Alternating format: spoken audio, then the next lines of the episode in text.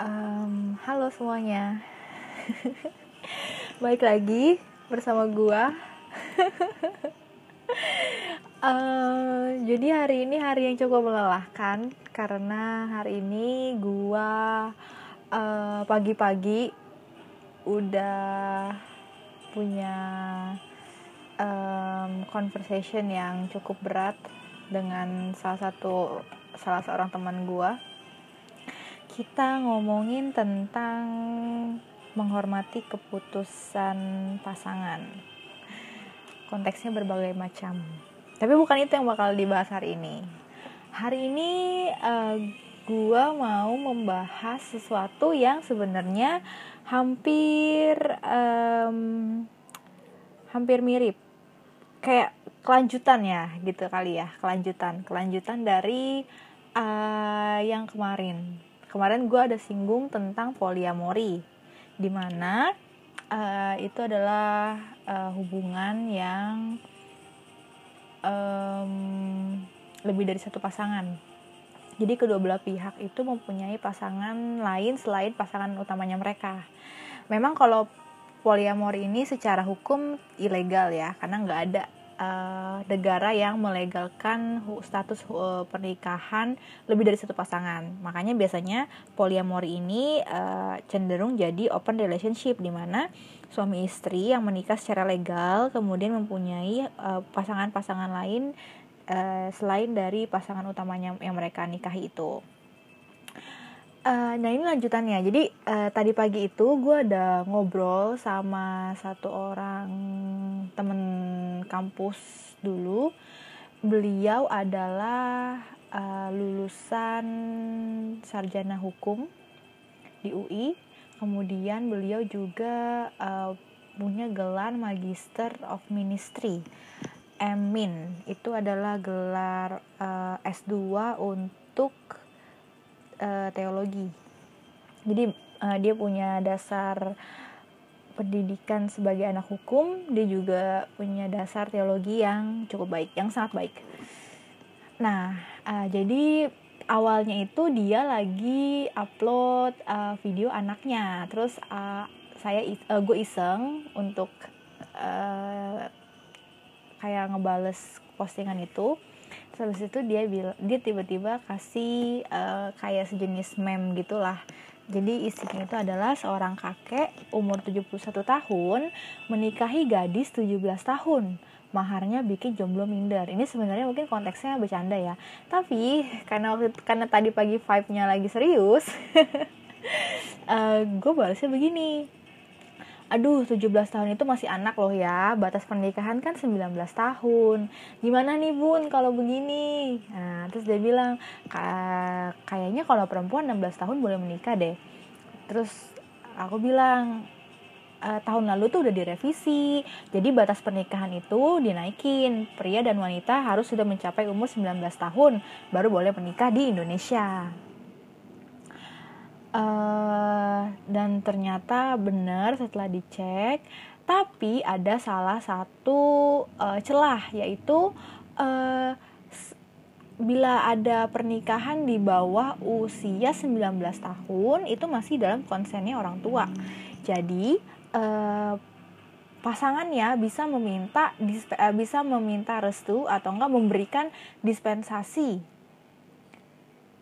eh yang memberikan dispensasi kepada orang tuanya. Jadi se sejenis kayak hmm, kalau gue analogikan secara ekstrim ya itu jadi kayak praktik jual beli nggak sih? Jadi kayak uh, ini ada orang mau nikahin anak lu yang masih di bawah 19 tahun di maksudnya di masih di bawah usia menikah lalu lu kasih harga dalam tanda kutip ya harga untuk an orang itu agar bisa menikahi anak lu gitu Nah gue bilang uh, ini celahnya gitu pernikahan di bawah umur ini diizinkan kalau ada konsen orang tua. Jadi itu kayak menyedihkan sih kayak um, yang harusnya usia 19 tahun ke bawah itu kan masih um, bisa memikirkan banyak hal ya untuk mencoba hal baru mungkin juga dia bisa pergi ke luar kota ke luar negeri untuk mempersiapkan dirinya dia atau untuk mengejar cita-citanya dia tapi dia malah akhirnya tinggal di rumah dan mengurus suami dan anaknya.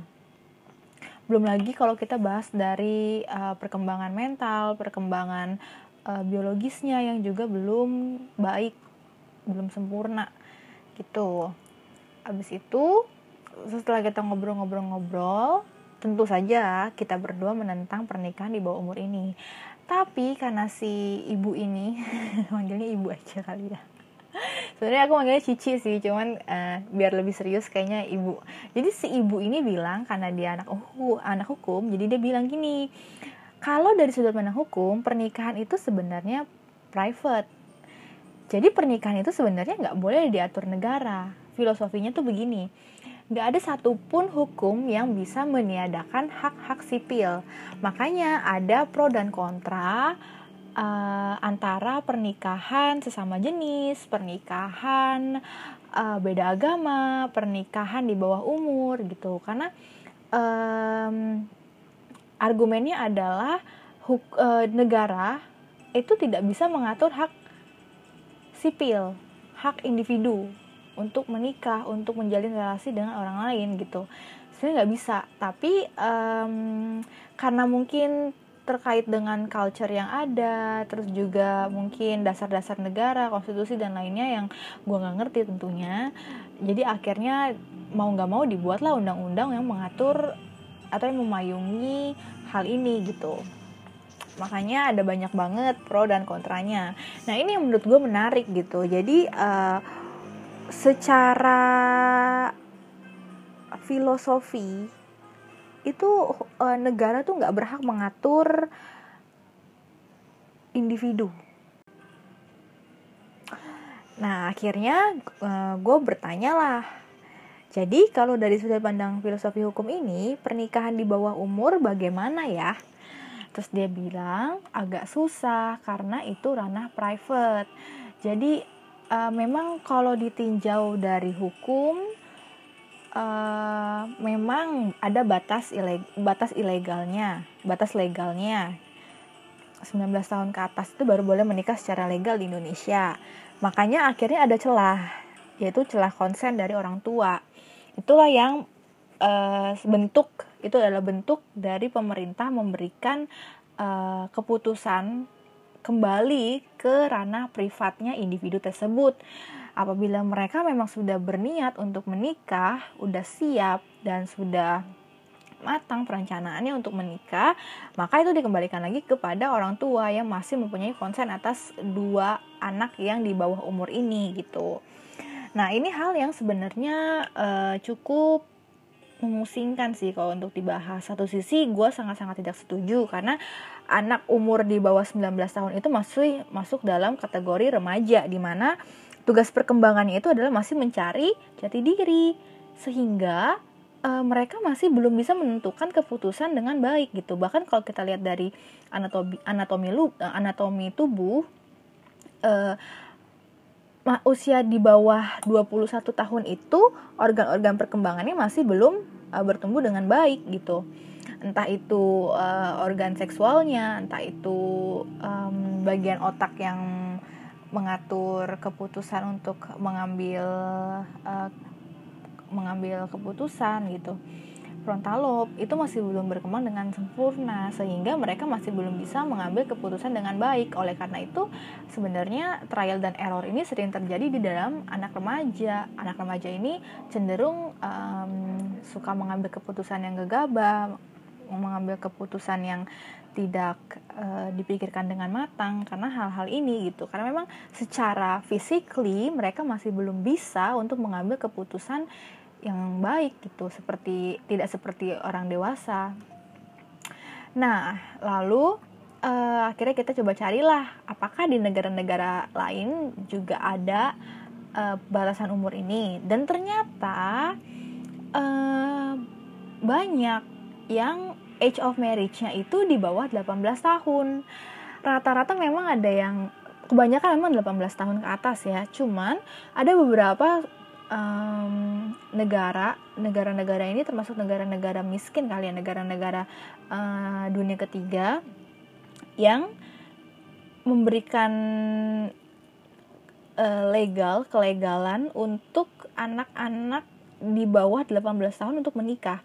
Bahkan ada negara yang mempunyai uh, minimal usia untuk menikahnya itu adalah 12 tahun.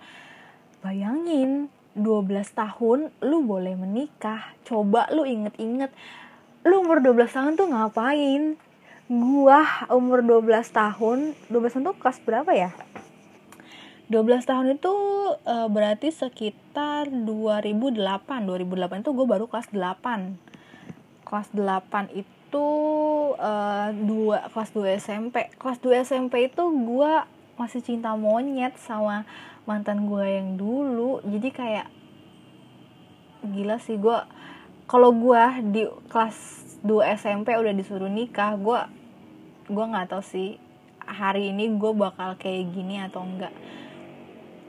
Dan ini yang sebenarnya menjadi concern di mana uh, hal ini um, adalah sebuah privilege gitu.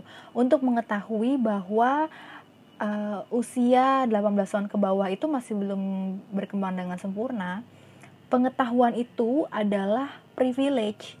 Gak semua orang punya pengetahuan itu. Gak semua orang tahu bahwa 18 tahun ke bawah itu masih belum sempurna perkembangannya gitu.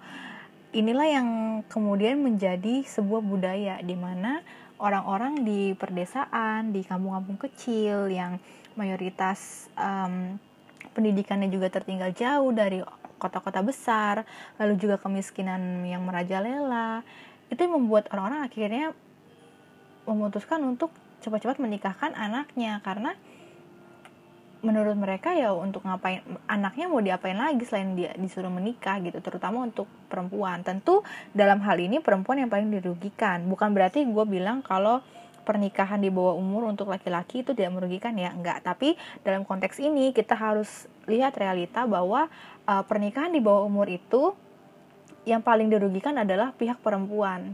Satu karena korban kita pakai kata korban di sini karena pernikahan di bawah umur itu tentu uh, melanggar hukum ya jadi orang yang di bawah hukum yang dipaksa menikah atau yang eh, diajak menikah itu pasti jadi korbannya nah jadi rata-rata korban ini uh, memenuhi hanya sekedar memenuhi tuntutan dari orang tuanya. Misalnya orang tuanya miskin dan mereka punya banyak utang, jadi mereka harus membayar utang tersebut dengan menikahkan anaknya.